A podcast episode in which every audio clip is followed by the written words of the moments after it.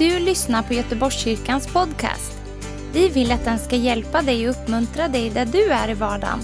Vill du veta mer om oss så gå in på www.goteborgskyrkan.se.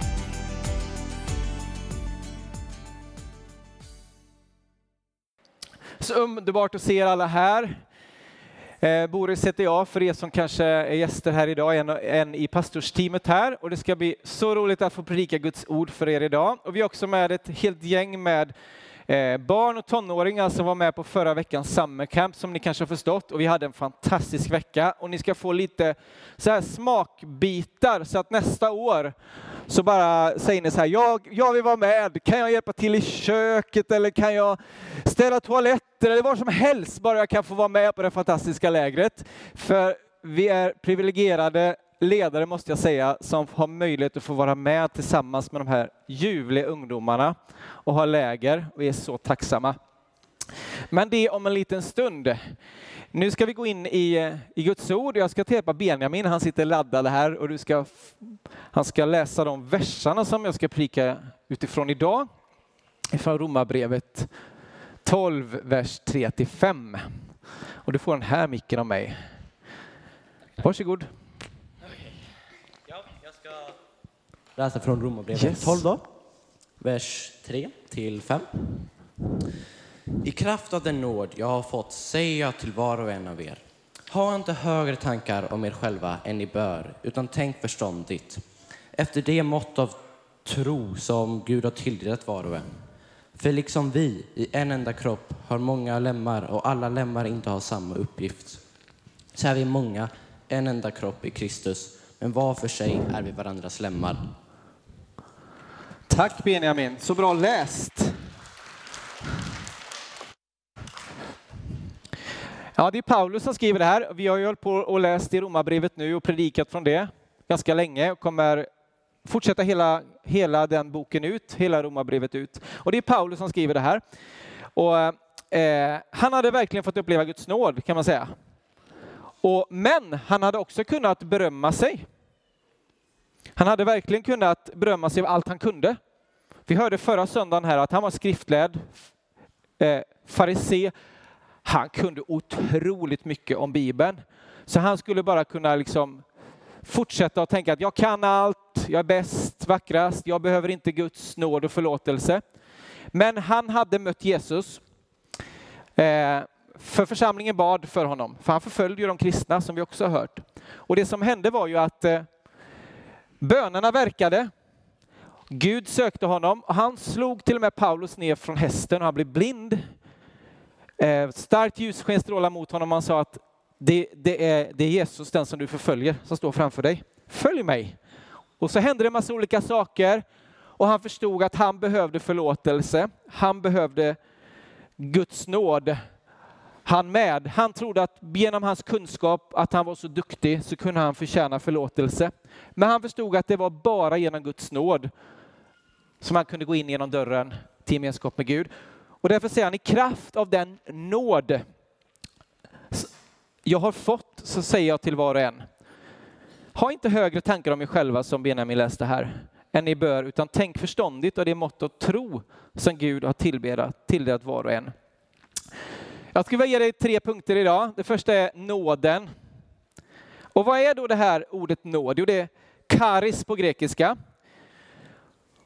Man skulle kunna säga att det är Guds inflytande på hjärtat och dess återspegling i livet. Det var en svår mening va?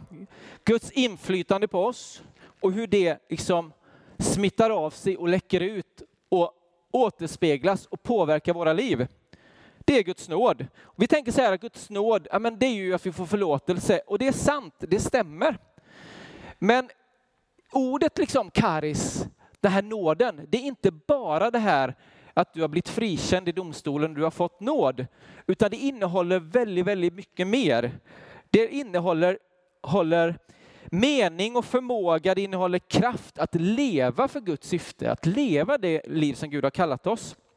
Och jag tycker att Saltaren 40 och vers 3 faktiskt förklarar det här på ett jättebra sätt. Det kanske kommer här bakom. Det gjorde det, vad bra. Först kommer nåden. Han drog mig upp ur fördärvets grop. Att det handlar om förlåtelsen, att vi behöver hjälp i vår situation. Vi behöver Guds nåd, för vi klarar inte av att leva det här livet, det här perfekta livet, utan någon synd, utan några fel, utan brister, för att leva upp till Guds standard. Men Gud vet det, därför sände han Jesus hit. Han dog på korset, tog våra brister, allt det på sig uppstod ifrån de döda. Och det som händer då är att han kan förklara oss rättfärdiga. Han drar oss upp. Han kommer ner som jag predikade här för några veckor sedan. Han lyfter oss upp i brunnen. Men inte nog med det. Han ställer våra fötter på en, på en klippa som jag bad ut här innan. Vi får trygghet, vi får stabilitet, vi får en jättebra grund att stå på i livet. Där vi förstår att Gud har skapat oss till en mening. Vi är inte bara en slump. Vi är inte bara liksom, ja, som många får höra idag, kanske i skolan, att det är bara liksom en lång, lång, lång utveckling till någonting och så är man här, det finns inte riktigt något syfte med varför vi är här och sen bara blir det svart. Nej, nej, nej. Gud har en plan, ett syfte, att vi ska leva med honom också efter livet här på jorden.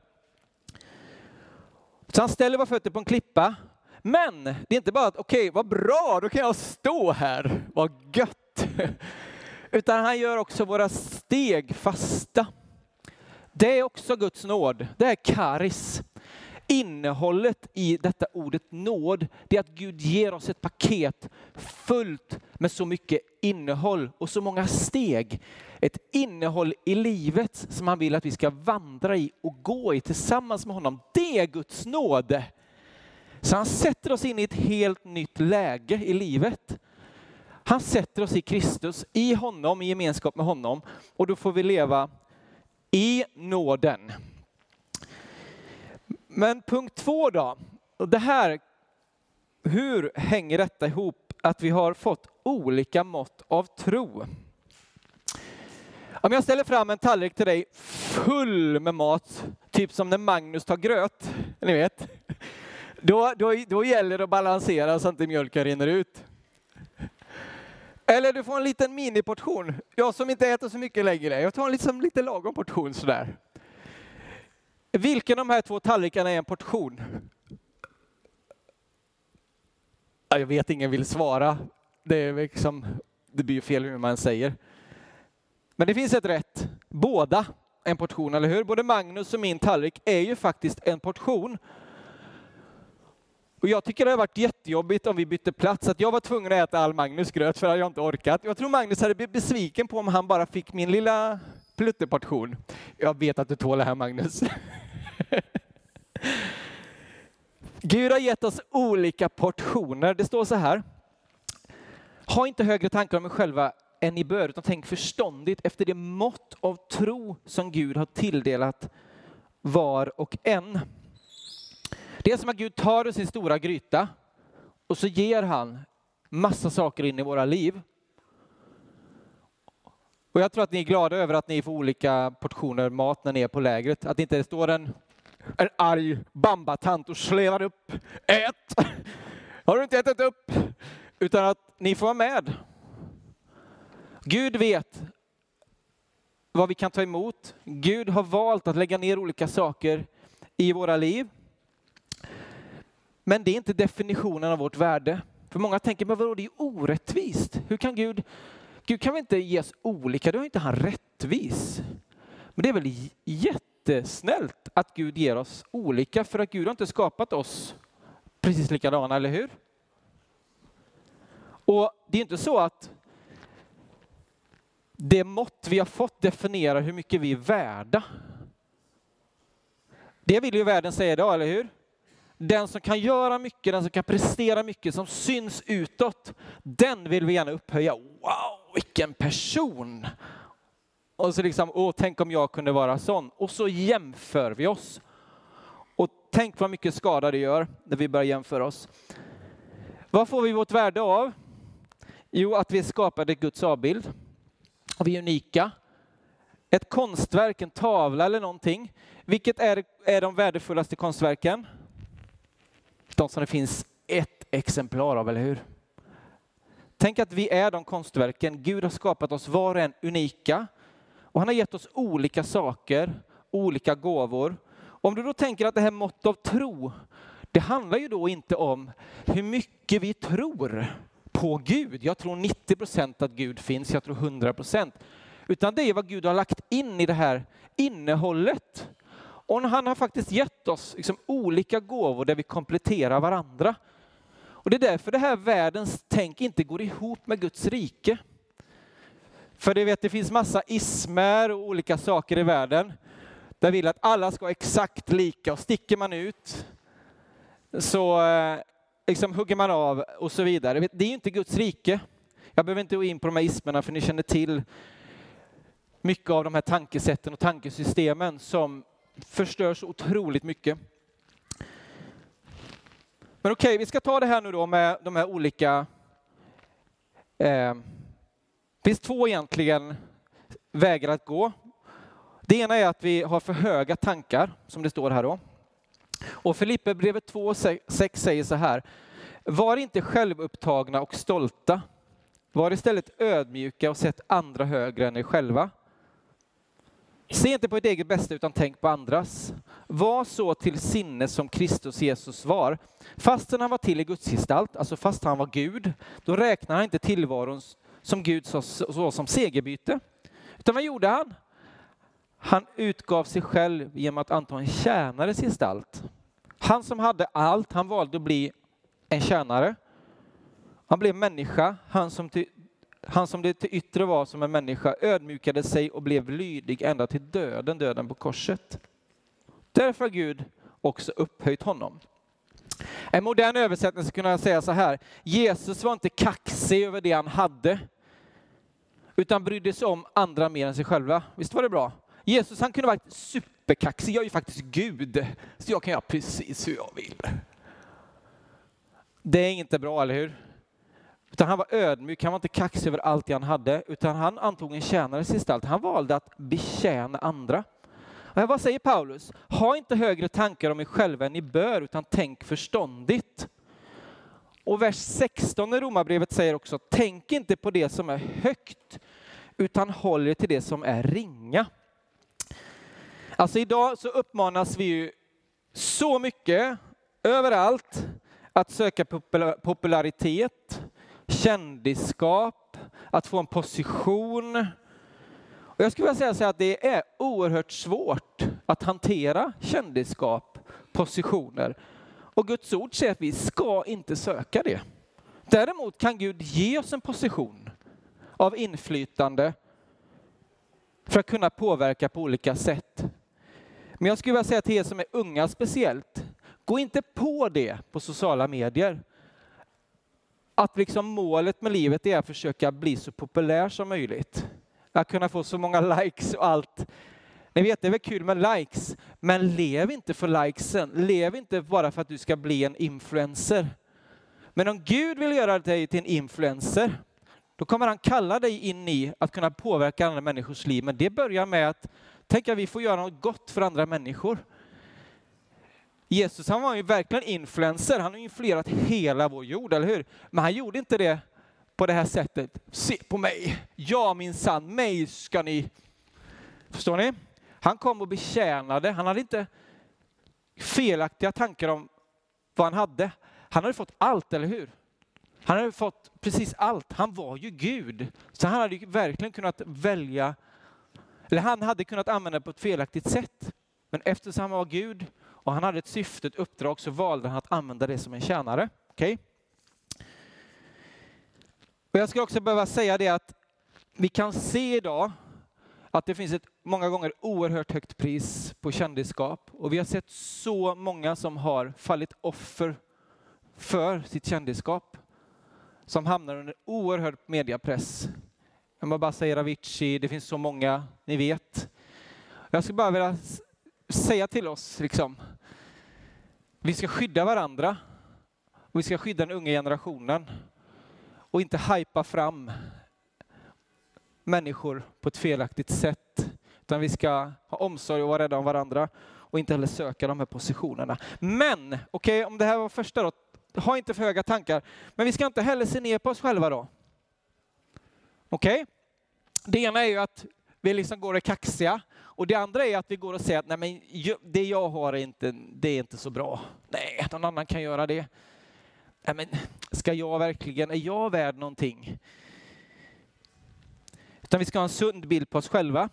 Och därför så kan vi läsa på många ställen i Bibeln och även på ett ställe när Paulus säger till sin lärjunge Timoteus, då får han riktigt liksom, kom igen, ingen får, får förakta dig för att du är ung, utan var ett föredöme för de troende i ord och handling. I kärlek, trohet och renhet. Fortsätt och gör det du gör. Försumma inte heller det Gud har lagt. Alltså, ta inte bort det Gud har, har och göm undan det, utan ta det Gud har lagt ner i ditt liv och använd det. Och jag skulle vilja säga att det är ju sann ödmjukhet. Ödmjukhet kan man, kan, kan man ibland tänka sig, nej men det är att nej men jag är inte så bra, jag kan inget. Det är inte ödmjukhet. Ödmjukhet kan ibland vara att använda sin gåva och bara känna att jag är så rädd. Men jag gör det ändå, för jag vet att Gud har gett mig någonting som jag ska ge vidare. Och det är några här som kommer att berätta, ni kommer berätta lite grann från lägret sen. Och era hjärtan kanske slår lite extra nu, som det gör på mig innan jag ska predika. Jag är lite spänd, så är det. Men jag vet att Gud har kallat mig till att göra det här idag. Och ni vet att Gud har lagt någonting i era liv. Och kanske står vi där på vår arbetsplats eller i skolan och vi känner precis likadant. Ödmjukhet är ju inte då att tänka att nej men jag har ingenting att säga, liksom det, nej. Utan det är att kanske med lite stapplande ord och lite rädd säga någonting om Jesus, säga det här tror jag är rätt. Det är att ödmjuka sig inför Gud och säga Gud du har gett mig någonting och nu ger jag det här vidare. Jag har fått jobba jättemycket med det här själv. När jag skulle börja förskoleklass, oj vad rädd jag var att gå och sätta mig i skolbussen bland de andra barnen. Ni kan inte förstå hur rädd jag var för att utsätta mig för nya främmande situationer. Kan ibland fortfarande vara det. Ibland får man, man får jobba med vissa saker hela livet. Men när Gud kommer och fyller mig med sin ande så händer det någonting. Jag fick en frimodighet. Jag ställde mig i samma skolbuss. Det här var ganska många år senare, när jag gick i högstadiet. Och så stod jag och så bara läste jag ur Bibeln högt i hela i skolbussen. Och bara, Bör! vet de bara buade, lägg av! Så här. Och så, så, här, så bara körde jag på med bibelord. Liksom. Jag tror inte det var det effektivaste sättet att vinna mina kompisar för Jesus. Men det brann och brinner någonting på insidan. Från att sätta sig längst fram i skolbussen och knappt våga gå på, mamma fick liksom nästan gå med in, till att Gud gör någonting och jag förstod att jag har någonting att ge. Guds ande föder någonting. Och det kan hända i oss alla. Gud fyller oss med sin heliga ande och då är ingenting omöjligt. I Lukas 19 så står det om pund.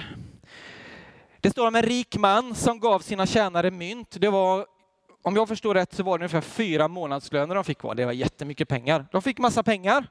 Jag reser bort och så sa han till de här tjänarna, ta hand om de här pengarna nu, investera, använd dem så att det blir mer.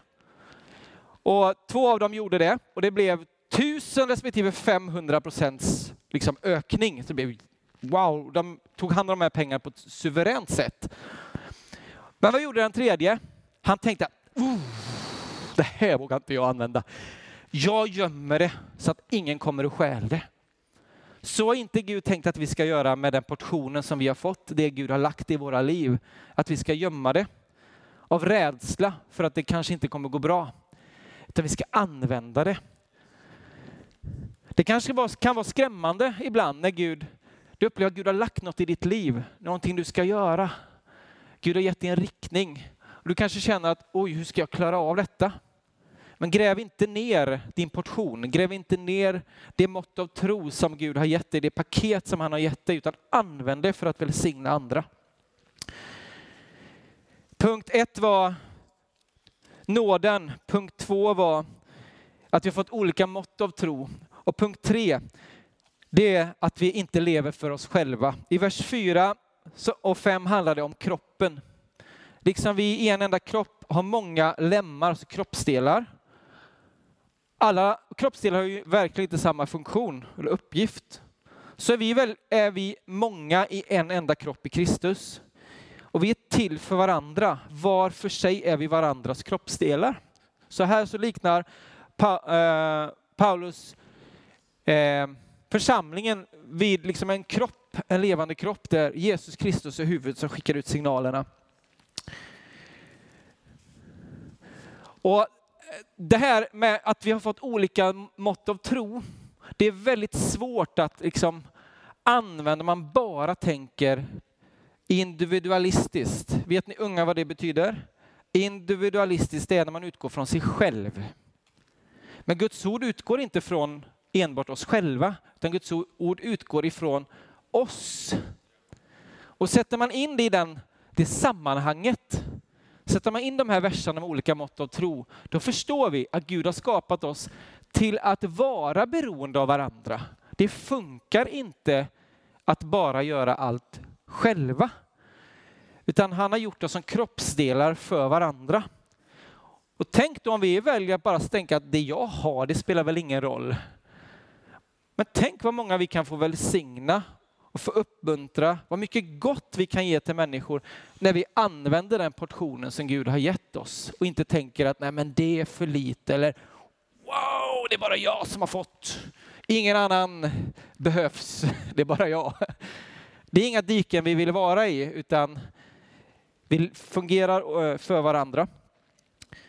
Och det här är också lite som en triangel, skulle jag säga. Vi tar emot av Guds nåd så att vi kan älska oss själva. Och när vi älskar oss själva, då kan vi älska varandra. Och så får vi mer kärlek av Gud och så liksom bara fungerar det så här. Vi tar emot av Guds nåd, vi ger ut det vi har.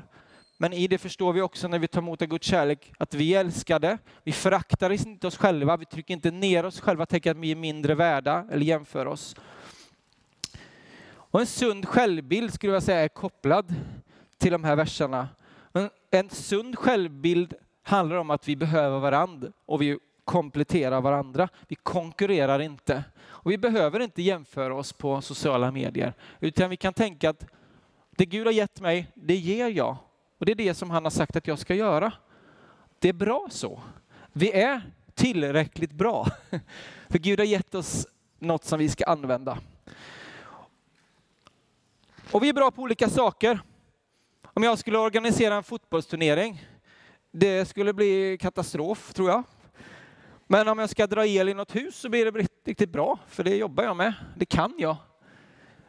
Och jag tänker att du kan absolut komma på saker som du inte kan, men då kanske någon annan kan det. Men sen kan vi också lära oss saker. Vi kan lära oss av varandra. Men vissa grejer vet jag att det här är inte liksom vad Gud har gett mig. Någon annan får göra det. Och så på så sätt så hjälper vi varandra. Och vad är då egentligen liksom syftet eller målet med allt detta? Jag skulle vilja säga första Korintierbrevet 12 och 7 där det också handlar om kroppen och andens gåvor. Då står det att var, hos var och en uppenbarar sig anden så att det blir till nytta. Så Gud vill ha tänkt att när vi använder våra gåvor så ska det vara till nytta och komma till nytta och välsigna andra. Ehm, Lå, äh, Lovsångsteamet ska gå upp va? Nej? Jo. Ni får gärna förbereda er. Jag ska avsluta med ett, eh, ett bibelord. Sen ska inte jag predika mer utan då kommer det andra, hända andra saker. Efesierbrevet 3 och 16. Det är en bön. Då kan vi be den bönen tycker jag. Och det är helt okej okay om ni går upp samtidigt här. Jag kan be med eh, er övriga. Jag ber att han i sin härlighetsrikedom ska ge kraft och styrka åt er inre människa genom sin ande. Att Kristus genom tron ska bo i era hjärtan, i våra hjärtan, och att vi ska bli rotade och grundade i kärleken. Då ska vi tillsammans med alla de heliga kunna fatta bredden och längden och höjden och djupet och lära känna Kristi kärlek som går långt bortom all kunskap så ska ni bli helt uppfyllda av all Guds fullhet. Han som kan göra långt mycket mer än allt vi ber om eller tänker oss genom den kraft som verkar i oss. Hans äran i församlingen och i Kristus Jesus genom alla generationer i evigheters evighet. Amen. Tack för att du har lyssnat. Dela gärna podden med dina vänner och glöm inte prenumerera. Om du har frågor eller vill att vi ska be för något så mejla oss på info På söndagar har vi veckans höjdpunkt. Då firar vi gudstjänst tillsammans och det vore så kul att träffa dig där. Men vi har även samlingar för barn då? Gå in på vår hemsida goteborgskyrkan.se så får du veta mer. Välkommen till oss!